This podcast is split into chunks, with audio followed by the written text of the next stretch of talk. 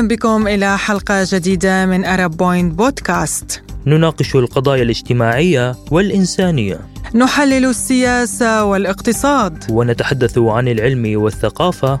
نتناول مواضيع مثيرة للاهتمام. لنقرب لكم الصورة أكثر. أطيب التحية منا أنا نغم كباس. وأنا حيدر عجيب.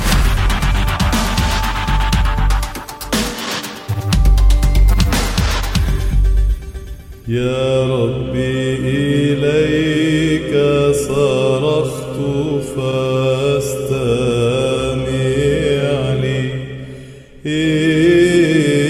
استمع لي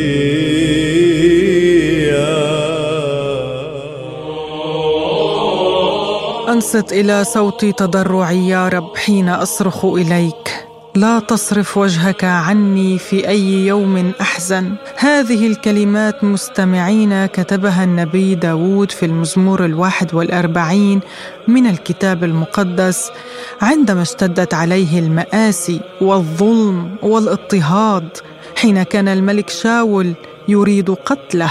فنجده هنا يصلي ويلجأ إلى الله ليرفع عنه هذه الشدة.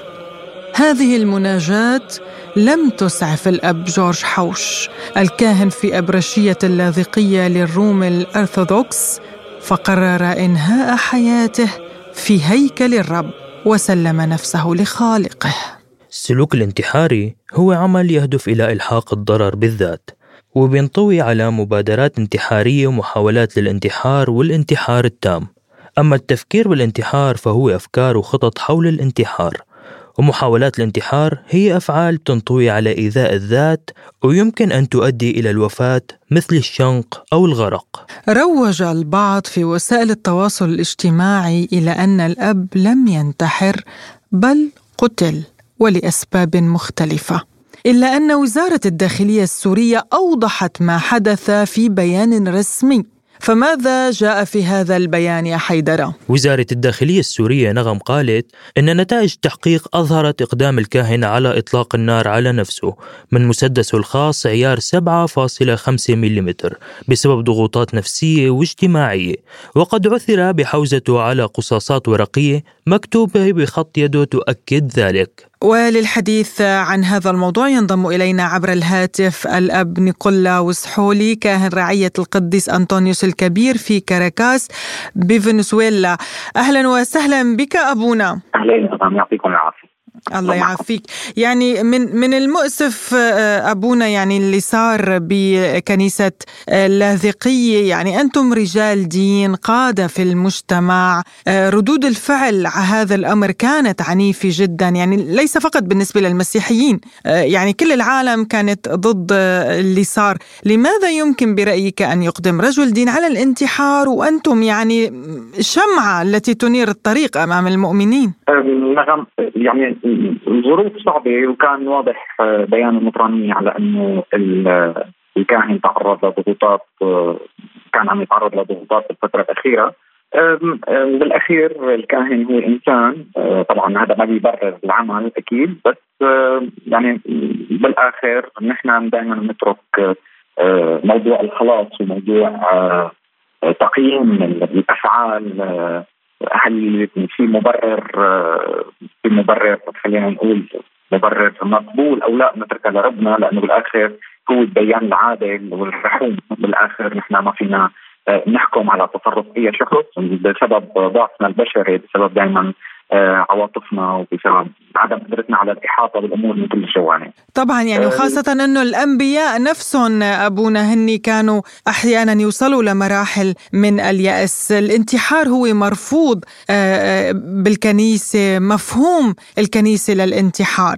نعم آه مثل ما تفضلت نغم مضبوط حكيك تماما في الأنبياء وصلوا لظروف كثير صعبة لضغوطات كثير قاسية. آه بيذكر الكتاب المقدس الضغوطات اللي تعرض لها موسى وقت خرج بالشعب الإسرائيلي من من مصر. الضغوطات اللي تعرض لها ايليا الضغوطات اللي تعرض لها يونان الضغوطات اللي تعرض لها حتى القديسين بالعهد الجديد القديس بولس آه بيحكي عن الضغوطات اللي تعرض لها باسيا يعني لحد إنه بيوصلوا لطلب الموت بس لو طلب الموت من ربنا ما لا تنفيذ الفعل بأنفسهم. لأنه الكنيسة آه يعني خلينا نقول لحتى نحكي بمجال أوسع أكثر آه ما هو بس الكنيسة بالعهد الجديد وإنما الكنيسة في فكر الله. منذ الأزل بترفض آه، فكر إنهاء الحياة على شخص آخر. كيف إنهاء إنهاء الحياة للشخص نفسه. آه، عادة آه، الانتحار سببه هو هو اليأس. اليأس لأنه الشخص خلص يكون ما عنده منفذ منفذ آخر. بيفتكر بيفتكر ولو إنه الفكر خاطئ يفتكر على إنه هو الحل للخروج من من مشكلة مؤقتة، هو الحل الدائم للخروج من مشكلة مؤقتة. هل يا ترى هذا الكلام مقبول كنسيا؟ أكيد لا لأنه آه، المشكلة هي مؤقتة وعلى الأغلب المشكلة رح تنحل لأن الأغلب المشكلة بيطلع لها آه، يعني الواحد بيعرف يتأقلم معها بيعرف يتعايش معها وإنما آه، الحل اللي ممكن الشخص يقرره هو الحل هو الحل الدائم للأسف رح يكون هي الإدانة الدائمة. آه نحن الكنيسه بتنهي عن عن القتل بالوصيه بالوصايا العشرة. آه فانهاء الحياة للشخص ذاته هو كمان يعتبر قتل. مشكلة الانتحار على إنه هو آه، آه، حسب وجهة النظر الكنسية على إنه ما في توبة من بعده. وهلا نحن طبعا الكنيسة ما بتبرر القتل وبتسمح لأنه الواحد ممكن يتوب لأنه يمكن بلحظة القتل آه، الواحد لسبب ما ما بيلحق يتوب. لهيك القتل ممنوع منعا باتا أو خلينا نقول مرفوض كنسيا. بس وقت الواحد بيقتل شخص آخر بيكون ممكن في احتمال يكون عنده فرصة للتوبة بينما وقت يقتل نفسه الاحتمال هذا هو احتمال منتهي نهائيا. بالأخير نحن مثل ما كنت عم أقول بأول الحديث بنترك موضوع الخلاص وموضوع آه، تقدير الأمور لربنا. الكنيسة آه، بتفترض بتحكي عن عن ما يسمى آه، بالتجديف على الروح القدس وهو اليأس هي خطيئة يهوذا. اللي هي الخطيئة الأعظم الممكن إنه الواحد ييأس من رحمة الله، نحن دائما بحياتنا نآمن بالرجاء. آه، ربنا يسوع المسيح وقت كان عم يعاني بلسان الزيتون بيقول الكتاب المقدس على إنه آه، آه، بدأ يتعرق دما. يتعرق دم بسبب الألم وال وال وال وخلينا نقول والحرب اللامنظوره القاسيه اللي كان عم يتعرض لها بهذيك اللحظة بس هو كان بيعرف وعنده أمل برحمة ربنا بيقول إنه يا رب أبعد عني هذا الكأس ولكن لا تكن مشيئتي بل مشيئتك. فنحن دائما بنعرف كما كنا ابي بولس إنه كل الأشياء تعمل خير للذين يحبون الله. فلهيك نحن لحتى نخرج من الظروف الصعبة نلقي نلقي همنا وعلى الرب مثل ما بيقول المزمور مثل ما بيقول داوود بسفر المزامير بيقول آه، الرب يرعاني آه، فلا شيء يعوزني. فنعم فبالاخر نحن نتكل على ربنا. آه، أكيد ربنا بيلاقي لنا المخرج. دائما عندنا هذا الرجاء اللي هو الرجاء آه، نحن هلأ بالنسبة للطوائف الغربية بنهاية الأسبوع العظيم وبالنسبه للطوائف الشرقية إذا الله بالفعل أبونا يعني كثير أثار استغراب إنه انتحار أبونا جورج بفترة الصوم. يعني هذا التوقيت الغريب الأيام مباركة صلوات مكثفة صوم يعني تنسك عبادة. كثير كان غريب الموضوع على المجتمع. يعني برجع برجع ب ب يعني بعيد الموضوع بالأخير. ما حدا يعرف ظرف حدا طبعا هذا ما تبرير للتصرف بس بالأخير الظروف بتوقع على الإنسان بأي وقت كان هذا الوقت هو وقت كثير مناسب للتوبة وللرجاء وللامل بقيام أفضل بحياة أفضل بقيام من الواحد يعيش آلام ربنا. لحتى يوصل بعدها إلى قيامه بس الظروف أو بالأحرى نحن ما كثير نامن بالقدر أو بالظروف وأنا اؤمن بالعناية الإلهية. وقت الواحد بي بي بي يعني ممكن تكون لحظة تخلي مثل ما بيقولوا باللغة العامية إنه آه، لحظة تخلي من الرب أو هيك شيء؟ بتعرفي نحن بالعكس بنآمن بنآمن ابدا إنه ربنا بيتخلى عنا. نحن بنآمن بالعناية الالهية مثل ما كنت عم نحن بنآمن على إنه ربنا ما بيتخلى عنا. نحن اللي بنتخلى عنه. إذا فرضا إنه نحن افترضنا إنه هي لحظة تخلي فهي اللحظة اللي نحن نتخلى فيها عن ربنا. نحن اللحظة اللي بنيأس فيها من رحمته. اللحظة اللي بنبعد عنه. بدل ما نكون نلقي تعبنا وهمنا ووجعنا بيقول ربنا احملوا نيري فان نيري خفيف. أيها المتعبون تعالوا إلي وألقوا علي أثقالكم. فبالأخير الهدف هو وخاصة مثل ما تفضلت بهالأوقات المباركة إنه الواحد يحط أتعابه وآلامه وأوجاعه وهمومه كلها على ربنا. يعني برجع بعيد على إنه يمكن ما هو تبرير بس بس الضغوطات اللي بيتعرض لها الإنسان هي ظروف صعبة بتصير هو إنسان. آه، نحن بنصلي بنصلي دائما من أجل إنه ربنا يريح آه، نفوس الجميع احياء وراقدين بهالظروف الصعبة وبهالمواسم المباركة. لحتى نعيش مع ربنا آلامه لحتى هو يعيشنا قيامته. طيب أبونا بدي أسألك هون إذا كانت المطرانية بتعرف بالوضع النفسي والاقتصادي السيء للكاهن وهو أحد أبنائه لماذا لم تتصرف قبل وصول الأمور به إلى ما وصلت إليه؟ أه لا أنا يعني بختلف بالرأي مع السؤال. الضغوطات تأتي من الداخل، السعادة تأتي من الداخل، المشكلة إنه نحن نحن اللي بنقرر نحن اللي بنقرر كيف بدنا نعيش وكيف بدنا نتعامل مع الأمور، ما هي الضغوطات؟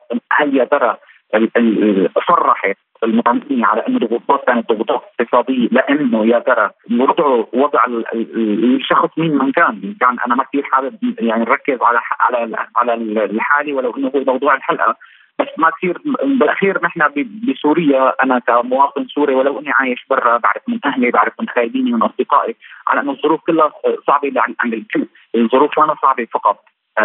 على شخص بعينه يعني.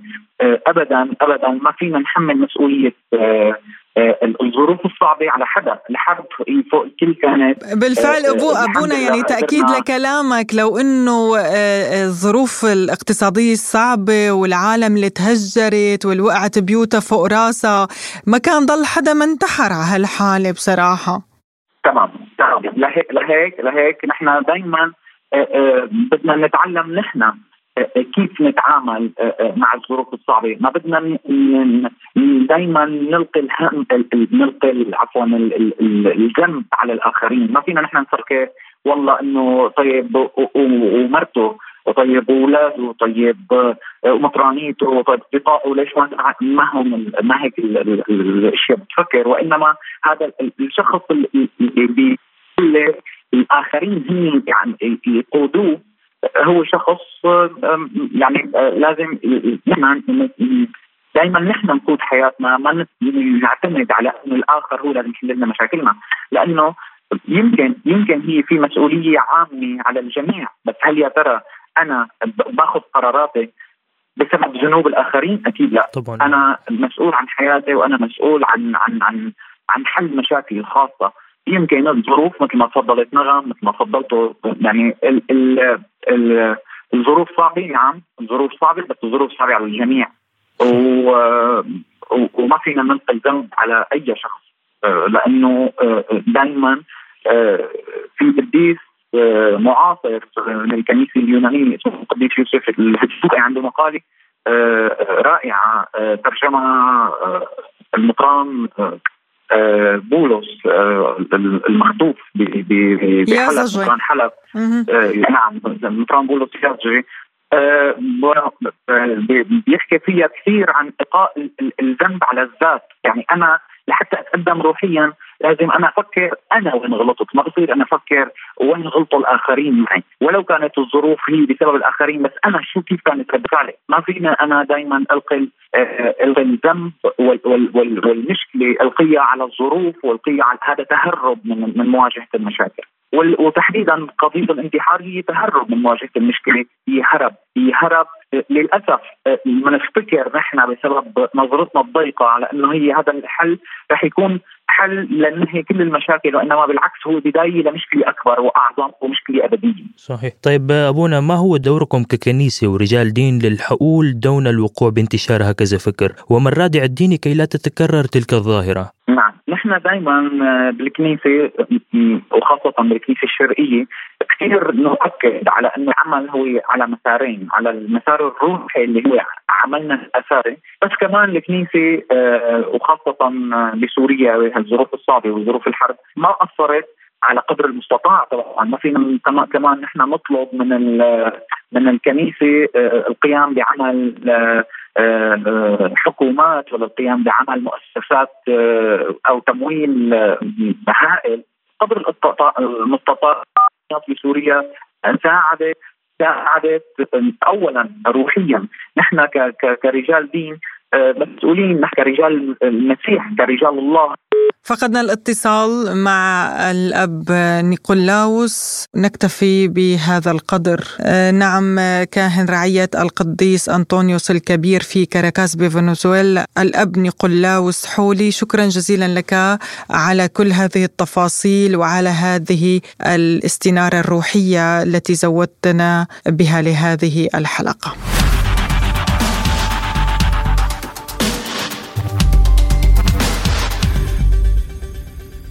أما عن دوافع الانتحار فهي ما إثر الاكتئاب والأمراض العقلية خسارة الشريك اعتلال الصحة والمشاكل بالعمل والأزمات الاقتصادية. بالفعل يا حيدر حتى بيان مطرانية الروم الأرثوذكس باللاذقية أكد أنه سبب الانتحار ضغوط نفسية ومعيشية متراكمة. وللحديث عن الأسباب النفسية لهذه الحادثة ينضم إلينا عبر الهاتف المختص في الطب النفسي وعلاج الإدمان الدكتور غزوان محمد. أهلا دكتور. يا هلا هلا هلا هلا فيك بالبداية ما الذي يدفع شخص للانتحار برأيك؟ وما هي نسبة الضغوط التي تؤدي به لهذا الفعل؟ أول شيء آه، بحب بتشكر وكالتكم على أنها عم تضوي على هيك حادثة لأنه هاي الحوادث عم تكون كثيرة بالفترة الأخيرة هلا آه، رح أبلش بس بشوي صغيرة بتعريف للانتحار حسب منظمة الصحة العالمية هلا حسب المنظمة منظمة الصحة العالمية الانتحار هو القتل العمد للذات طبعا السلوك الانتحاري كمان بيتكون من عدة خطوات. الخطوة الأولى هي التفكير بالانتحار. الخطوة الثانية تخطيط. الخطوة الثالثة التنفيذ. هلا التنفيذ هون ممكن يؤدي للوفاة وممكن لا. هلا الأسباب أسباب كثيرة. في منها أسباب نفسية يلي هي الأمراض النفسية بجوز في ناس ما عندها فكرة عنها. السبب الرئيسي للانتحار هو الاكتئاب. الأسباب الثانية هي الفصام. في عنا كمان آه، مرض اسمه ثنائي القطب اضطراب المزاج ثنائي القطب. وفي الأمراض المزمنة العضوية اللي ممكن تصيب الشخص. هلا في أسباب ثانية هي أكثر ما هي نفسية. خساره شخص عزيز أحيانا تعرض الشخص للإساءة أثناء الطفولة ما في يتعايش مع الأفكار هي أحيانا آه، خسارة العمل الخساره المادية. هاي أسباب اجتماعية. طبعا بالمجمل بالمجمل كل هدول سواء كانت مشاكل نفسية أو اجتماعية بيصير في عندي نوع من اضطراب التفكير عند الشخص المنتحر. طبعا هون كمان في فكرتين. المنتحر بصير بيفكر إنه أنا لما بدي أخلص من الحياة فأنا بدي أتحرر من قيود الحياة وصعوباتها أتحرر من الألم أتحرر من المعاناة.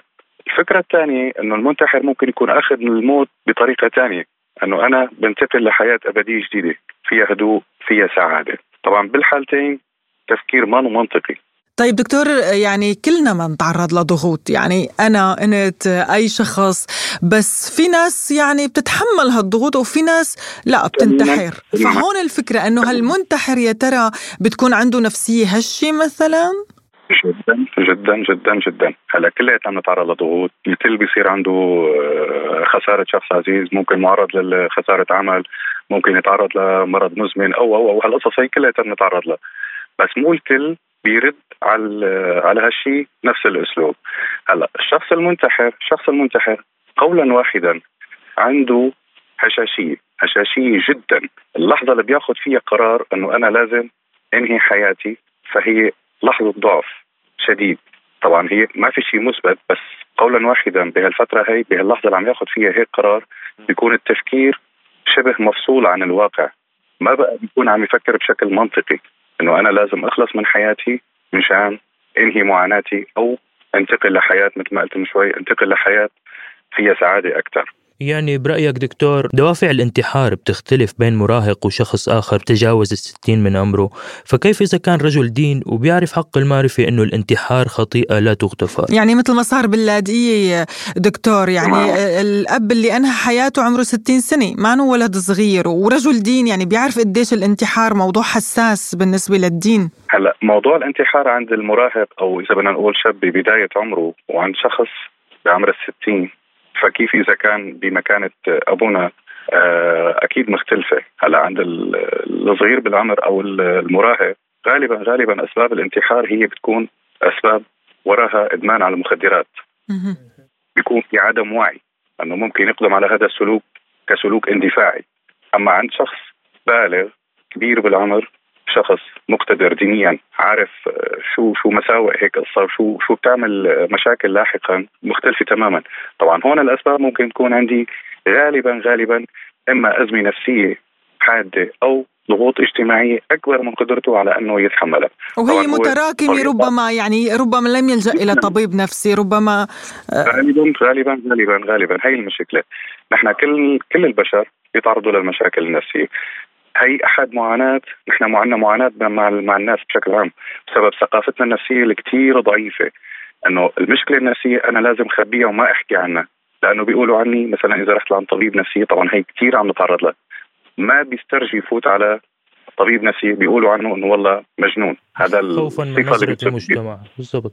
تماما تماما. فهي المشكلة لو تتعالج ما بنوصل لهالطريقة هي. السبب الرئيسي الرئيسي والأول هو عند الاكتئاب. طبعا هو المرجح عند الكبير بالعمر والأمراض الثانية الأمراض المزمنة مثل الفصام. يعني طيب أبونا ربما تعرض لاكتئاب شديد ومتراكم مثل حضرتك ما قلت ما قلت حضرتك. يعني بحال عرفنا بهيك حالة مع أحد الأصدقاء أو الأقرباء. طيب شو بنعمل يعني كيف نحن بنتصرف لحويلاه هلا بهيك بهيك موضوع أنا لما طبعا إذا بدي أقول في علامات إنذارية أو علامات تحذيرية عند الشخص اللي بيكون عم يفكر بالانتحار. منها بصير حكي كثير عن الانتحار. بيكون مهووس بفكرة الموت. بيكون في عنده انسحاب اجتماعي في عنده يأس. ممكن يلجأ للكحول للمخدرات لأي وسيلة بس مشان يغيب فيها شوي عن الواقع. هلا هي المفروض اللي حواليه إذا انتبهوا يلجأوا لطبيب مختص أو على الأقل معالج نفسي إنه أنا عندي مشكلة في هذا الشخص بده مساعدة حتى لو هو رفض. لأنه هلا مثل ما كمان في عندنا كثير من الناس بيرفضوا إنه يفوتوا لعند طبيب نفسي بسبب هاي النظرة السلبية تجاه المريض النفسي. يمكن هو دكتور لحويلا ما أخذوا الموضوع بشكل جدي يعني بجوز تماما تماما تماما. أحيانا كثير بينحكى عن الموضوع بيقولوا إيه عادي.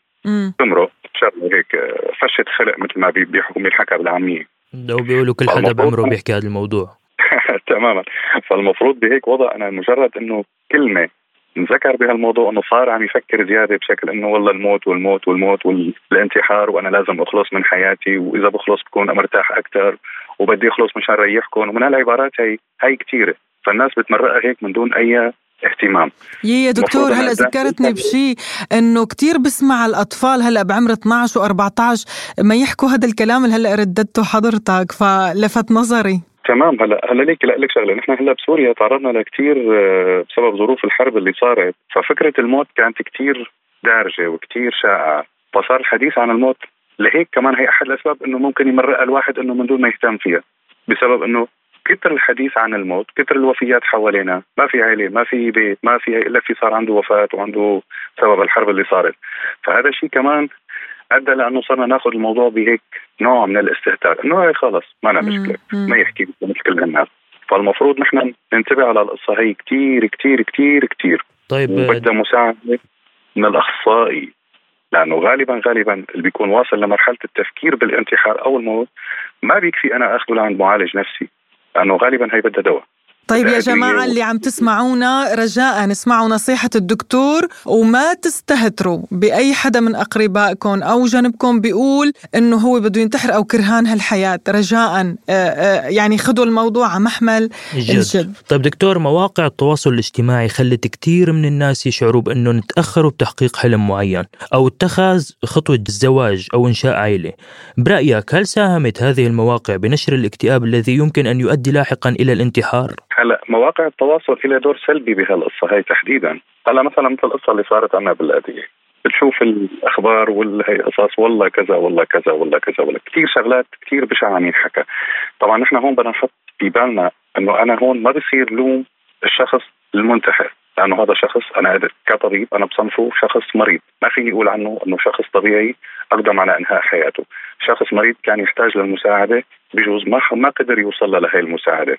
أنا لازم ما سلط الضوء على موضوع إنه هذا انتحر إنه هذا شخص أناني بلش أحكي عنه بالعاطل إنه هذا شخص أناني هذا شخص ما بفكر غير بحاله. في ألم في إساءة لذكره هو الشخص المتوفي أو المنتحر خلينا نقول وإساءة لاهله لعائلته للناس اللي حواليه لأصدقائه كل شخص بيعرفه في إساءة له إي لأنه الله يعين أهله يعني بكفي إنه انتحر. إسا بدهم مواقع التواصل الاجتماعي دور سلبي كثير كثير كثير كثير عم يصير من وراء وسائل التواصل الاجتماعي. كمان إنه هلا بالنهاية هذا عالم افتراضي فيك تحكي اللي بدك إياه عليه. والله كذا والله كذا وهذا بيصير وهذا ما بيصير. فأنا المفروض ما آخذ كل شيء بشوفه على وسائل التواصل على إنه واقع.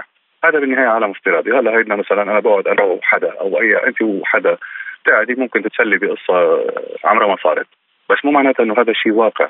اللي عم يصير إنه وسائل التواصل الناس عم تاخذ كل شيء فيها على إنه هذا الصح وهيك لازم يصير. فدورها كثير كثير سلبي كثير سلبي. كوسائل إعلام هلأ مثلا أنا برجع بشكركم على إنكم عم تضووا على هالفكرة. المفروض المفروض كوسيلة أول شغلة إنه ما أعرض صور للشخص المنتحر. صور ممكن تكون مؤلمة جدا. طبعا. هاي شغلة. الشغلة الثانية أنا ما بصير أحكي مع أهل المريض وبلش أحكي بدي دقق وبدي أسأل إنه ليش ساوى وليش عمل هالتفاصيل هي كمان بتكون مؤلمة جدا بالنسبة لأهل المتوفي. الشغلة الأهم تشجيع الناس على إنه يطلبوا المساعدة. ما أنا عيب ولا أنا حرام. بالنهاية المرض النفسي مثله مثل المرض العضوي. هاي الثقافة إحنا كثير عنا ضعيفة. للأسف انه للأسف بالفعل دكتور يعني تاكيدا لكلامك بالدول الأوروبية دائما في مختص نفسي بالمدارس بالجامعات بالمعاهد بالدوائر الحكومية في مختصين نفسيين مشان إذا تعرضوا لأي شيء آه، أثناء عملهم. دائما في مختصين نفسيين منتشرين بأوروبا مثلا والدول المتقدمة. الدول العربية ما زالت متخلفة. الحديث يطول معك دكتور غزوان ولكن لضيق الحلقة آه، نختم ونكتفي بهذا القدر المختص بالطب النفسي. الدكتور غسوان محمد كنت معنا عبر الهاتف من اللاذقية. شكرا جزيلا لك دكتور. شكرا لك دكتور. شكرا.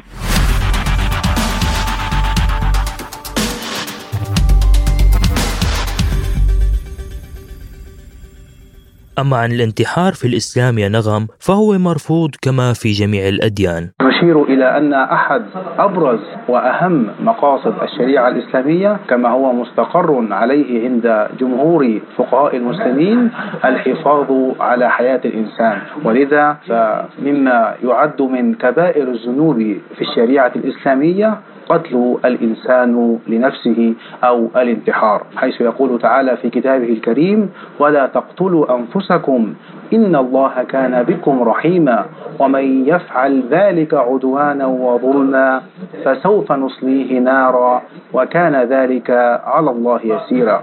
المشكلة الكبرى اللي صارت إنه بعد الانتحار بدأت الفتاوي الشعبوية بأنه لا يجوز الصلاة على الكاهن لأنه منتحر أو لا يجوز دفنه في مقبرة الكهنة. أو إنه أو إنه أو إنه. يعني صرنا بدنا نقعد محل الله دخيل اسمه نحاسب البشر. بالله عليكم ما نبقاش قضاة. إحنا ما إحناش قضاة إحنا دعاء يا سادة أنا بزعل جدا لما بسمع الناس تحكم بجنة أو بنار على أي حد. لما بسمع الناس بتحكم بكفر أو إيمان على أي حد يا سادة لا الأزهر ولا الأوقاف ولا المسلمين ولا المشايخ ولا حد يحكم على حد بالكفر ولا الإيمان ولا الجنة ولا النار لأن المنتحر أمره إلى الله. رجل عاصي فعل معصية كشأن كل العصاة زي زيي. أنا عصيت في حاجة وهو عصى في حاجة. أمره إلى الله. إن شاء عذبه وإن شاء عفى عنه نسأل ربنا ليه الرحمة ونسأل ربنا ليه لأهل الصبر والسلوان والثبات. الانتحار يا نغم فكرة خادعة جدا. لو أنه الانتحار كان فعل صحيح كان عندنا شخصيات كثيرة جدا ممكن تنتحر بالماضي. وأهم مثال عنا النبي أيوب عليه السلام. بعتقد أنه الانتحار بالنسبة لأيوب كان سهل جدا. وخصوصا بعد 33 سنة من المرض وبعد ما خسر عمله وفقد أولاده. النبي أيوب وصل فيه الحال أنه يقول يا ليت طلبتي تأتي ويعطيني الله رجائي أن يرضى الله بأن يسحقني ويطلق يده فيقطعني. يعني وصل فيه الحال ليطلب لله بأن يميته. أيوب عليه السلام كان يعرف أنه هذا التصرف رح يغضب الله. لهيك ضل يصلي وبقي متحمل وبالآخر الله عوضه عن كل يلي صار معه. لو حسيت إنه في حدا حواليك مقبل على الانتحار لازم تحكيه ولازم تناقشه. بهدوء طبعا. وخبره إنك خايف عليه. إنه مو وحيد وادعمه وخبره إنه لسه في أمل. الانتحار يا جماعة ما الحل لأنه كل العالم بيعاني من أزلم أزمات وخاصة بهالفترة اللي منمر فيها يعني للغني وللفقير ما مرتاح في صراعات في ضغوطات نفسية واقتصادية. بالسنوات الأخيرة سمعنا كتير عن حالات انتحار بين الشباب وحتى عند الرجال ذبحوا عائلاتهم وأطفالهم بسبب الاكتئاب والأمراض النفسية. اللي بيموت يمكن ما بقى بحس بهالألم. اللي بحس بشدة هالألم هن الناس اللي بقوا هن أحبابه وأصدقائه وأولاده. هو غادر وهن ترك لهم جرح مدى الحياة. هن عم يتألموا وما حدا وعدنا بحياة مريحة. كلنا ماشيين بنفس هالطريق هالطريق الشائك والصعب علينا أنه نتكل على الله دخيل اسمه وأنه نختار الشركاء جيدين بهذا الطريق مثل الأحباب والأصدقاء والأهل والناس المخلصة. هدول هن اللي بيسهلوا علينا طريق الحياة الصعب. وبرجع بذكركن ما حدا وعدنا بحياة هادئة ومريحة. لأنه لما بتشتد المصائب والضيقات يا حيدرة. لازم نقوي روابطنا مع بعضنا ونزيد شوي معيار المحبة. ليش؟ لأنه المحبة هي الشيء الوحيد الذي لا يموت ولا يفنى. ساعدوا الآخرين على حل مشكلاتهم قبل ما تخسروهم.